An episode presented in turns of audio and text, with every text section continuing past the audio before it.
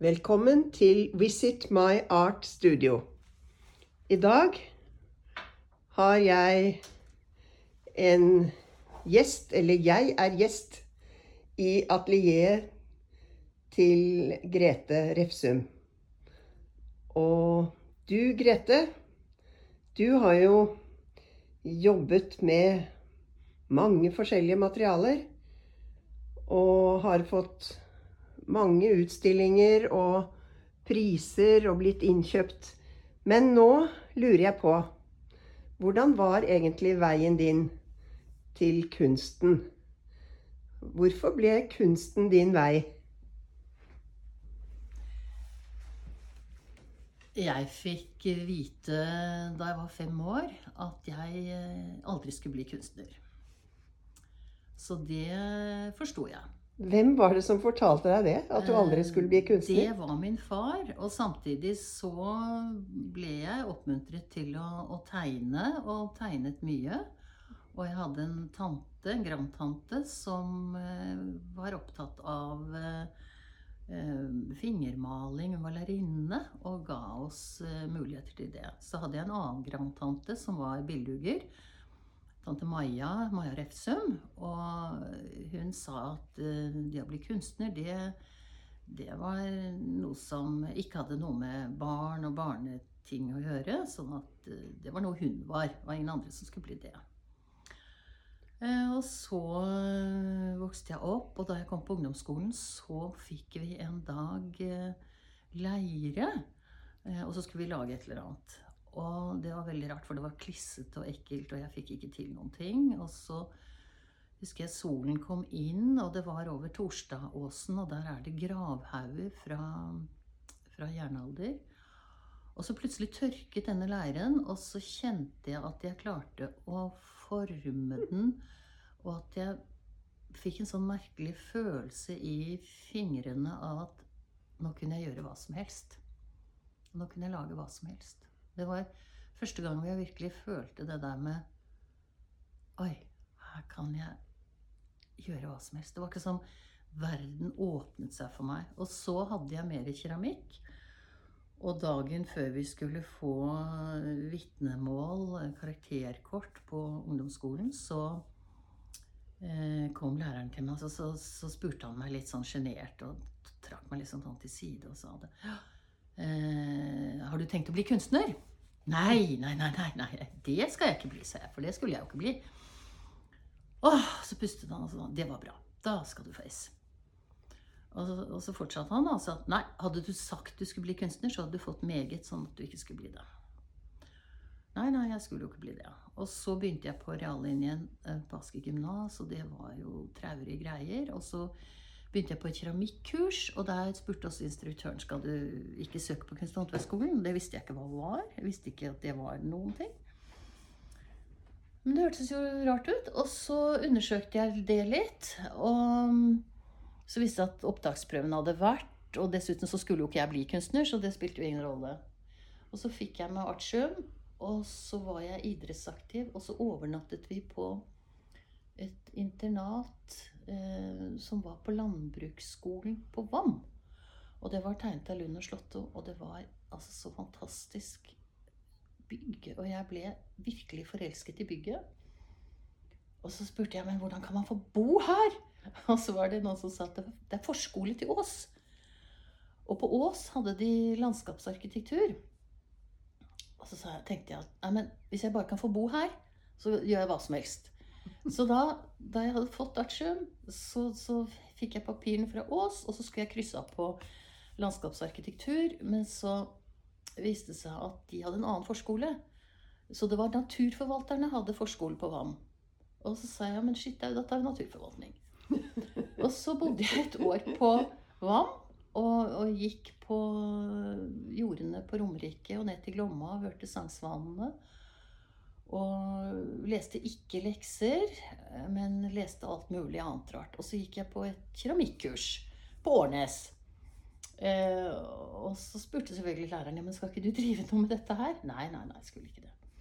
Men så gikk dette verre og verre, og det ble helt galt for meg. Og jeg skjønte at eh, Landbrukshøgskolen var ikke egentlig det jeg ville. Eh, men så traff jeg da en eh, merkelig arkitekt helt tilfeldig. Og han sa 'bli med meg'. Og så sa han 'ja, men du liker da ikke det du driver med'? Nei, så jeg gjør ikke det. Jeg har lyst til å slutte. Men så sa han 'ja, men du er så forvirret, du vet ikke riktig hva du vil bli'. Fordi jeg sa jeg skulle studere filosofi. Så han foreslo at jeg fullførte Ås, og så kunne jeg gjøre det jeg ville. Og så fullførte jeg Ås på en underlig måte. Og da kom jeg til slutt til en eh, etnologisk granskning og skrev en oppgave om potetbruk i Norge. Og så var den gamle professoren han spurte da Ja, hva vil du, hva vil du nå? Hva vil du bli? Og så, så pep jeg da til slutt, for han var så hyggelig. Så sa jeg men jeg, jeg har egentlig mest lyst til å tegne, jeg. Og så sa han da syns jeg du skal gjøre det. Og da var det akkurat som jeg fikk fri. Og da hadde jeg jo uh, truffet mannen min, og vi var etablert. Og nå var ikke fars og mors stemmer det som skulle bestemme mitt liv. Og så uh, tegnet jeg. Fra jeg hadde levert oppgaven min. Jeg var ikke fylt 23 engang. Og så kom jeg da inn på Først på den ene linjen, og så ble jeg gravid og fikk et barn, så jeg måtte ha fri. Og så, mens jeg da hadde baby, så prøvde jeg opptaksprøvene igjen og kom inn på malerlinjen og startet i 1979. Og jeg husker det veldig godt. Jeg syntes det var helt merkelig, for jeg hadde jo ikke gjort noe i kunstnerisk siden jeg gikk på ungdomsskolen, praktisk talt. Før jeg da begynte på opptaksprøvene og sånn. Og, og var veldig usikker på om dette var riktig for meg. Og jeg hadde en helt annen tankegang enn de menneskene som var der. Jeg var veldig akademisk. Jeg hadde jo vært gjennom et studium. Men jeg syns jo det var fantastisk å kunne tegne og male og lære teknikkene. Og jeg jobbet iherdig, selv om jeg ikke hadde barnehageplass. Og vi hadde jo ikke noe penger, fikk ikke noe studielån, ingenting. Så, så karret vi oss frem, og mannen min var veldig supportiv. Men så var det da etter et par år så følte jeg at nei, jeg var ikke så sikker på dette maleriet. Og da hadde jeg en drøm, husker jeg, som var veldig viktig for meg. Jeg drømte at jeg sov, eller våknet opp på Skaugumsåsen, som er her ved siden av. Og at jeg satt og mediterte. Mm. Og da fikk jeg helt noia. Da hadde jeg først liksom gått fra ett studium, og så hadde jeg kastet meg inn i noe annet. Og så var det Hva var det jeg skulle bli når jeg ble stor? Skal jeg bare sitte og meditere på Skaugumsåsen? og så har det gått 50 år, da. Så nesten 50 år. Ikke riktig. 45 i hvert fall. Og så er det i grunnen det jeg gjør. Mediterer Eh, ja. på I nærheten av Skaugumåsen. Under Skaugumsåsen. Ja. Og ser på den. Eh, men det har vært en lang vei. Og jeg, jeg brukte jo eh, relativt lang tid på studiet før jeg fikk et barn til. Og så fikk jeg tid til å, å jobbe med modeller, og jeg sto midt mellom tegning og modeller og maling. Og så var det mange ting som skjedde. Eh, både ved læreres uttalelser og hva jeg selv gjorde. Og så kom jeg inn på glassmaleri. Syntes det var helt fantastisk å, eh, å se gjennom det farvede glasset og liksom skue universet gjennom denne glassbiten. Hvordan lyset fra solen ble brutt da, i farver. Mm. Eh, og så var det for flatt for meg. Så jeg, jeg vekslet da mellom mellom eh, det to- og det tredimensjonale og klarte liksom ikke å bestemme meg. Og, og så en dag på modellersalen så tok jeg bare og skar ned leiren fullstendig. Mm. Og så tok jeg og brukte eh, ståltråden, altså skjelettet, og begynte å modellere direkte i det. Og da Det hadde nemlig skjedd i annen klasse tegning hos Ranheimsæter. Jeg tok den klassen to ganger fordi jeg hadde fått barn, så jeg syntes ikke jeg hadde lært det jeg skulle. Og så skulle vi tegne skjelett. Det syntes jeg var veldig vanskelig å tegne ribbekasse og bekken og sånn. Men da løp jeg ned på modellersalen, og så hentet jeg tang og ståltråd. Og så fikk jeg igjen den der følelsen jeg hadde hatt av leire som 14 år gammel. At nei, men nå, nå kan jeg lage hva som helst. Og da laget jeg et lite eh, skjelett i ståltråd. Og alle sa nei, så morsomt. Det var jo fint og festlig. Og syntes det var gøy. Det syns jeg òg. Og så tenkte jeg ikke noe mer på det. Men så gikk det altså to-tre år, og så så skjønte jeg at nei, det er ståltråd som er mitt materiale. Mm. Fordi da kan jeg tegne direkte. Mm. Eh, det er som tredimensjonal eh, strek, altså. Så Mm. der er det ikke noe mellom Det er ikke noe, noe støping eh, og gipsform og avtrykk. Det er bare det du ser. Jeg vil gjerne ha det direkte inn i hånden. Mm. Det du ser. Og jeg var så lei av å lodde med giftig bly og og det var avgasser med sink på disse her galvaniserte trådene, og det måtte man jo ikke gjøre. Så, så ble det til at jeg bandt svart ståltråd. Og så fikk jeg meg Jeg tok diplom i glassmaleri, og det ble satt opp i St. Dominikus-Arden. Um, men da følte jeg igjen at nei, dette var ikke det jeg skulle gjøre. Eh, og så jobbet jeg faktisk fem år med eksperimentering med form og ståltråd. Mm. Og undersøkte hvordan materialet kunne brukes, forskjellige dimensjoner, hvordan hånd, tang, sveising jeg, jeg gikk gjennom alt mulig systematisk. Snakket med mange. Og endte i grunnen bare opp med at uh, lille hånden og tangen og, og tråden og da hadde jeg jo atelier hjemme hos små barn, så det var veldig godt å ikke jobbe med noe giftig. Og så var det jo billig, så jeg dro opp og kjøpte Jeg kjøpte faktisk 200 kilo stål da det enda var norsk stål i et eller annet sted i Groruddalen. Eh, Og fikk en god pris på det, så da hadde jeg materialet stående, og det var det. Og så, så jobbet jeg derfra. Mm. Og så tenkte jeg at jeg skulle gå på akademiet, og så hadde jeg kontakt med Boge Berg. Og han tilbød meg fri, være frielev. Mm. Eh, Men så hadde, var det sånn at eh, folk ble sure for alle Boges frielever kom inn året etter at de hadde vært frielever. sånn at det, det ville de ha en slutt på. Så da sa de at da kunne du ikke søke ordinært opptak. Så da sa jeg nei takk til Boge, jeg vil heller komme inn. Og så viste det seg at så kom jeg ikke inn, fordi det ene med det andre, de ville ikke ha utdannede folk fra, fra Kunst- og håndverksskolen. Mm. De ville forme elevene selv, og det var Mm.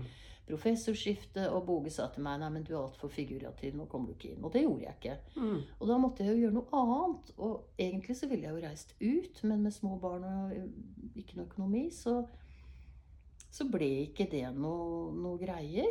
Eh, men jeg var veldig tiltrukket av amerikanske feminister. Judy Chicago, og, og jeg har en heltinne som heter Clyde Connell, som Ja. ingen vet noe om. Men, men som var veldig viktig for meg. Og det, det virker som Og også Georgia O'Keeffe, selvfølgelig. Ja. Så nå ser det ut som jeg kommer til å ta turen til USA og se på landskapene hvor de har vært. eh, Og de var jo ganske gamle damer da de var der, så Mm. nå har jeg riktig alder for å, å møte mine gamle venninner som for lengst er døde. Men de var veldig styrende for meg. De var viktige.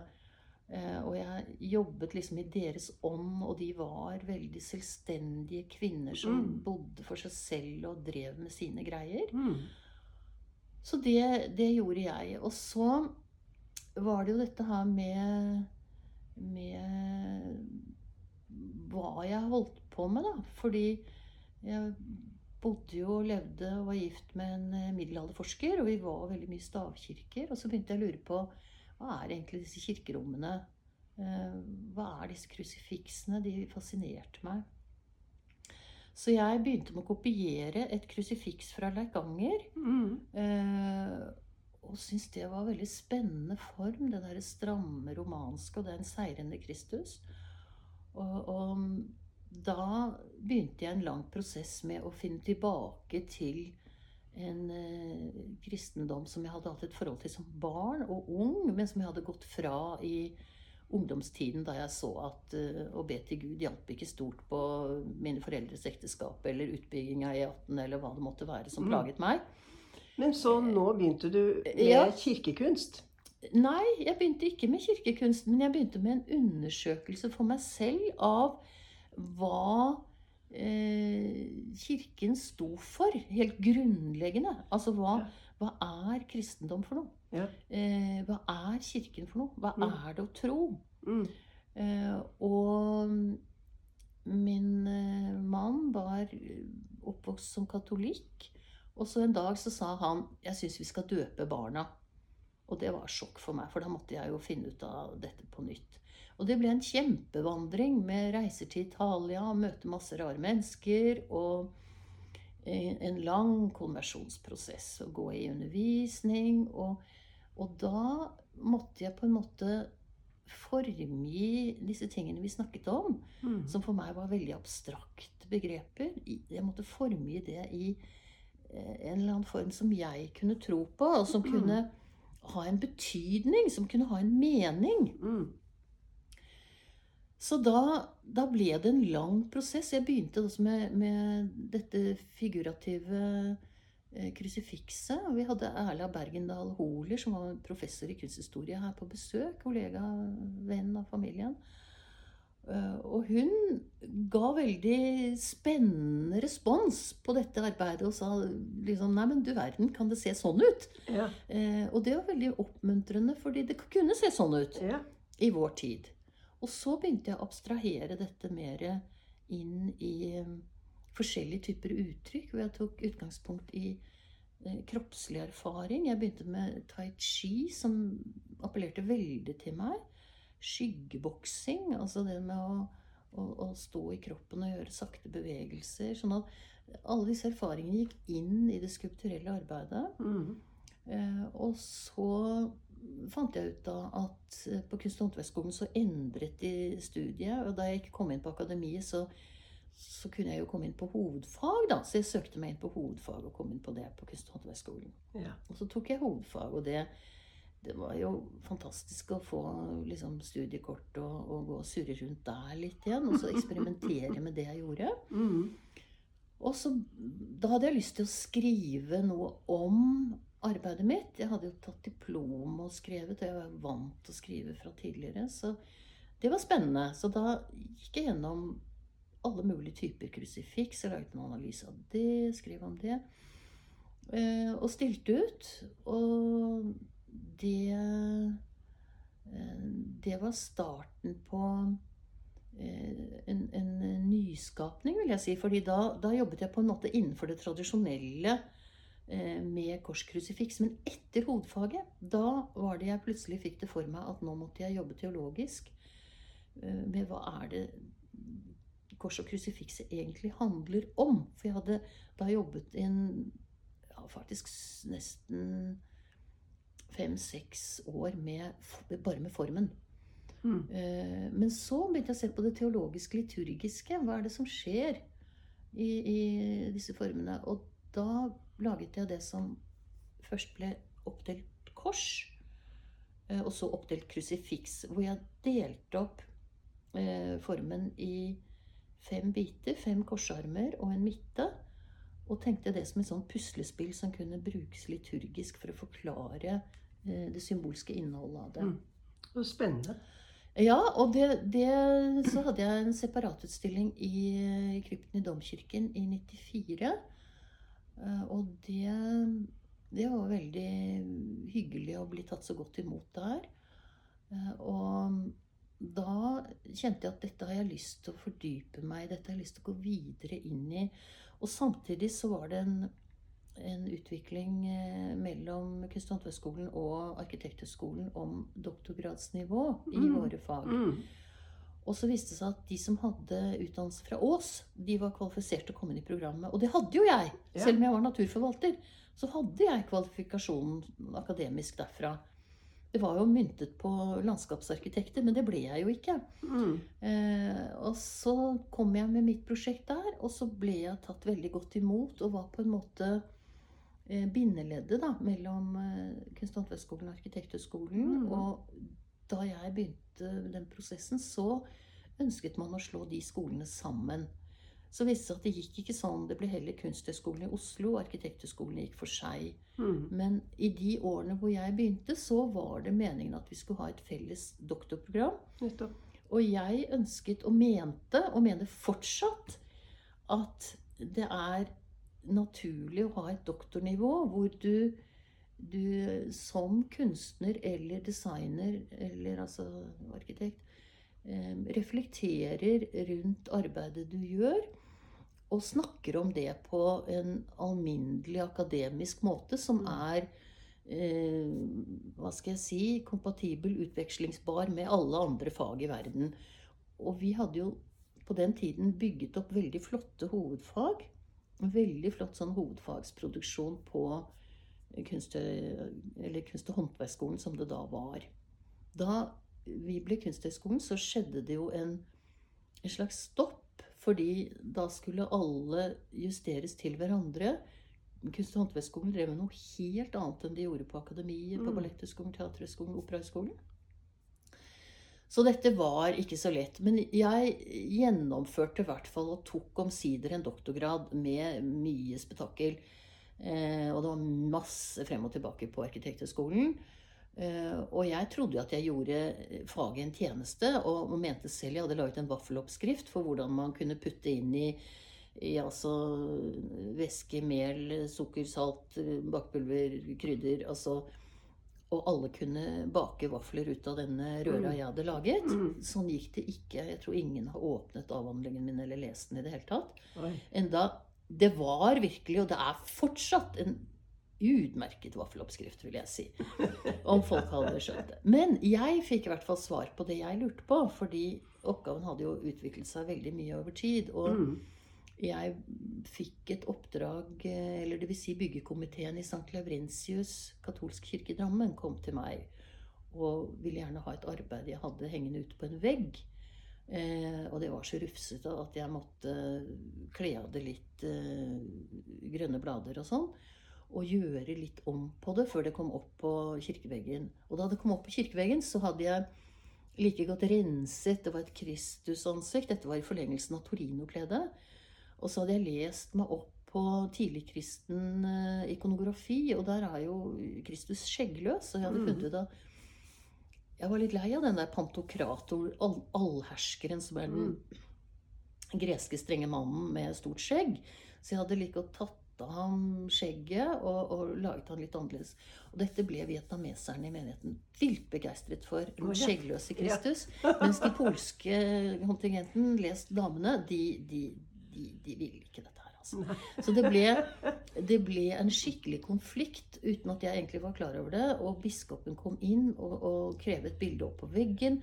Og så skulle jeg gå og ta et bilde av det etter at kirken var innviet. Jeg Ja. satt nede og hadde gulpet i meg kaffen og løp opp i kirkerommet bare for å få tatt et bilde før vi skulle dra hjem, for jeg satt på med noen. Så kom jeg opp, og der var det tomt Ja. i fondveggen. Ja. Og så tenkte jeg aha, ikke noe bilde? Nei. Hvor leter man? Jo, i bøttekottet. Der lå det. På gulvet. Slept i en haug. ja. Og da tenkte jeg at nå må jeg bare vite eh, hva er det kirken ber meg lage. Mm. Og det ble altså avhandlingens eh, emne, da.